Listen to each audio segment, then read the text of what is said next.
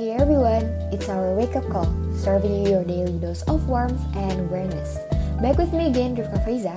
On this certain episode, I will be talking about resilience with the guest star, Amarilis Puan Sanjaya, a fourth semester psychology student at UIN Jakarta and also founder of Suara Puan and Siaran Psikologi on Instagram. So get your coffee up, sip it in, and let us begin the show.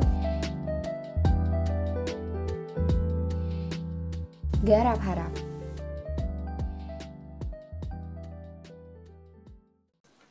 Hey everyone, it's our wake up call, serving you your daily dose of warmth and awareness. Hai semuanya, balik lagi sama gue Rifka. Dan di episode kali ini gue nggak sendirian nih, tapi gue nggak akan ditemenin sama Omar, Taskia, ataupun Gibran.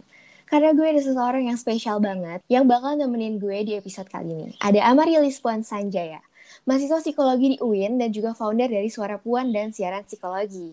Hai Kak Puan, apa kabar?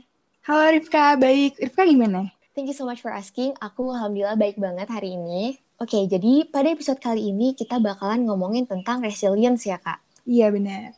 Talking about resilience, resilience ini kan identik banget sama an active process setelah kita mengalami kegagalan atau failure. Nah, kita mau langsung mulai nih. Menurut Kak Puan, apa sih failure itu? Atau how do you see failure based on your experience? Kalau ngomong kegagalan kan menurut aku setiap orang tuh punya bidangnya masing-masing ya dalam kegagalan. Kayak mungkin akademik, di hubungan, atau kayak kedukaan. Tapi kalau untuk aku sendiri, yang menurut aku value-nya paling kerasa di aku adalah kedukaan tentang ayah aku yang beberapa bulan lalu udah nggak ada.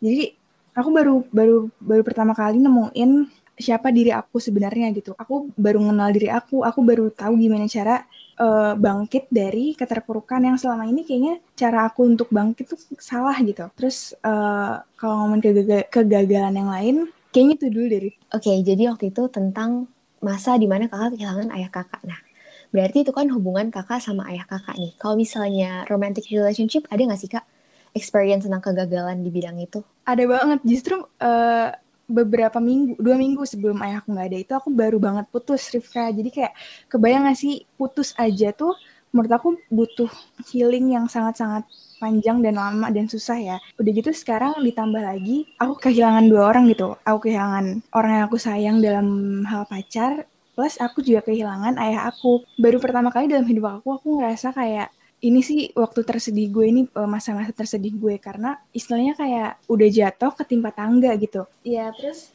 uh, kalau itu kan dari hubungan yang paling terakhir ya.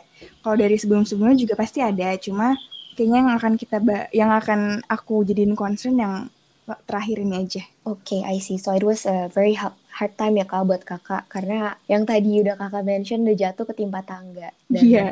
boleh nggak sih kak diceritain gimana sih masa-masa terpuruk itu ketika kakak baru banget keluar dari hubungan itu? Karena to be really honest, aku juga baru putus di awal Januari dan it was a very baru banget ya, time. ya berarti. Iya, Lumayan baru banget. Pasti sih baru hitungan bulan gitu terus terus. Iya, karena kalau aku tipe yang I am allowing myself untuk berduka, untuk ya udah gitu. Kalau misalnya aku nggak pengen ngelakuin apa-apa ya they will be okay gitu. Tapi sama-sama. iya kak. Terus, nah makanya kadang tapi tapi ada juga susahnya itu ketika aku harus misalnya ngerjain tugas yang agak berat atau agak banyak gitu. Kalau dari kakak sendiri gimana? Aku waktu itu pas banget pas banget lagi TS lagi minggu-minggu TS tadinya tuh mau ditunda gitu loh putusnya kayak udah ntar aja nunggu uh, nunggu masa-masa UTS ini selesai. Tapi kayaknya nggak bisa deh kalau hubungan tuh diatur untuk kayak putusnya nanti aja atau atau kayak jadiannya nanti aja. Menurut aku nggak bisa kayak gitu karena uh, kita yang ngerasain gimana terpuruknya kita yang ngerasain gimana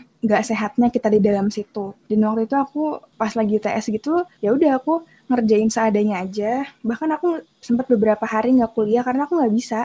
Aku nggak bisa maksain walaupun masih jamnya kuliah walaupun masih harinya kuliah. Tapi kalau gue lagi sedih ya udah gue harus uh, biarin diri gue ini sedih gitu. Memberi ruang kepada emosi-emosi negatif yang masuk pada semua perasaan-perasaan yang mau datang. Aku nggak mau nolak itu semua. Terus dua minggu berjalan kan. Bahkan menurut aku kayak tiga bulan pertama putus aja tuh sedih banget. Tapi ini dua minggu setelah putus malah ada kabar duka jadi double-nya udah udah keterlaluan banget dan untung tuh ada teman-teman sih yang paling yang paling ngebantu teman-teman sama keluarga yang seenggaknya nge-backup emosi-emosi aku gitu sih Rif. I see, great statement. Karena menurut aku ketika emosi negatif itu attack kita dan kalau misalnya kita cope with it well tuh bisa jadi emosi yang positif juga ya kak? Iya bener banget. Oke, okay.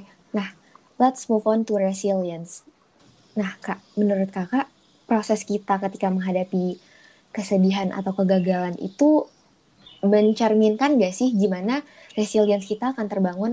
Menurut aku mencerminkan banget ya karena kalau kita kalau kita denial terhadap perasaan-perasaan itu, terhadap proses-proses itu, kita nggak akan healing 100%, kita nggak akan pulih sepenuhnya.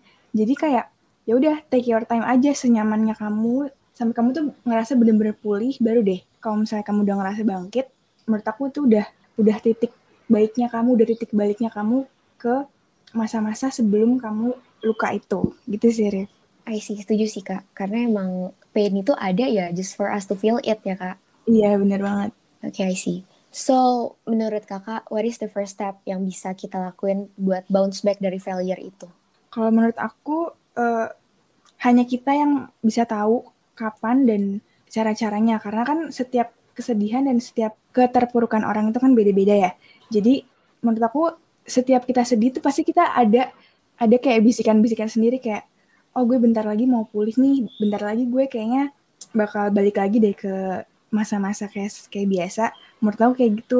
Tapi jangan juga jadiin itu sebagai alasan buat terpuruk terus alasan buat nggak ah gue lagi sedih gue nggak mau kuliah dulu gue lagi sedih gue nggak mau berkegiatan dulu jangan jadiin itu tameng buat uh, bolos atau segala macam gitu dan dan menurut aku juga penting banget untuk punya teman-teman atau support system yang paling ngerti kamu gitu yang nggak cuma support kamu pas pas baik tapi pas di titik-titik terendah gitu sih Ren.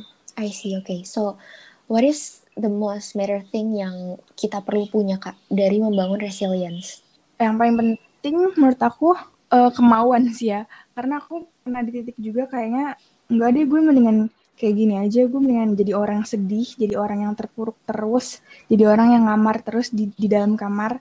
Kayak ya udah di dalam kamar aja gue nggak mau nggak mau bangkit gitu. Tapi karena waktu itu aku juga sempat ke psikolog kan walaupun online aku jadi terbuka gitu loh pikirannya. Kalau kalau kesedihan itu nggak boleh makan kita. Kita nggak boleh tenggelam dalam kesedihan itu. Jadi menurut aku emang harus ada niat dari dirinya sendiri dan juga dukungan dari orang-orang di sekitar kita penting banget soalnya Menurut aku gitu sih, Rif. I see, aku setuju banget sih, Kak. Karena seeking for professional help itu bisa juga dijadiin kayak coping mechanism kita ya, Kak, on building resilience. Iya, benar banget. Penting banget sih menurut aku. Kan sekarang tuh banyak orang yang masih takut dan masih nggak mau ke profesional kan. Takut dikira sakit jiwa lah, takut dikira apa namanya kayak nggak normal. Sebenarnya ke profesional tuh lo tuh cuma cerita apa masalah lo, terus kayak didengerin 100% tanpa menghakimi, terus uh, lo difasilitasi untuk didengerin secara sepenuhnya gitu loh. Bukan bukan berarti kayak dikasih obat. Mungkin banyak orang di sana yang masih belum tahu gimana sih rasanya cerita ke psikolog atau lain sebagainya gitu. Iya iya aku setuju banget. Karena ke psikolog tuh sama aja kayak kita di provide untuk cerita untuk ngeluarin apa yang selama ini jadi beban dan mm -hmm. tanpa dihakimin karena kalau sama temen kan kita masih ngerasa ah gue takut deh kalau misalnya gue cerita ntar dia malah nyeramahin gue atau dia malah ngasih saran gue padahal gue sebenarnya nggak minta saran gue cuma minta didengerin aja dan ke psikolog psikolog tuh adalah pilihan terbaik kalau kita mau didengerin doang tanpa dikasih saran. Yes, setuju banget. So, ke psikolog tuh juga hal yang penting dalam building resilience ya, Kak? Iya, penting banget. Oke, okay, Kak, menurut aku cukup banget nih obrolan kita buat episode kali ini. Uh, dari Kak Pun ada yang mau disampaikan nggak ke listener dari Speak Up Podcast? Um, paling tentang resilience aja ya. Menurut aku penting banget untuk kita punya resilience karena kita bisa feel sane kembali gitu loh. Kita bisa jernihin pikiran, karena kalau nggak jernih, itu akan mengarah ke sesuatu yang negatif dan gak baik buat diri kita sendiri, apalagi untuk kesehatan mental kita gitu. Dan yang aku ingat kalau kata dosenku, resilience itu kan bahasa Indonesia-nya daya lenting. Daya lenting. Istilahnya kayak pohon yang letoy kalau kena angin, pasti bakal cepet tumbang gak sih? Jadi gimana caranya kita buat menguatkan si pohon ini? Biar kalau misalnya ada badai atau ada angin, mereka nggak gampang letoy atau hancur gitu. I see. Oke, okay, jadi resilience itu bukan berarti kita nggak boleh sedih, kita nggak boleh apa ya nggak boleh down ketika kita gagal ya kak tapi kita percaya bahwa ada kecantikan di dalam luka-luka kita dan itu yang bikin kita terus jalan ke depan iya benar banget oke okay, I guess that's all buat podcast kali ini dan terima kasih banyak untuk Kak Puan karena udah mau meluangkan waktunya untuk nemenin aku ngobrol-ngobrol tentang resilience dan failure. Thank you so much for listening dan jangan lupa garap harap.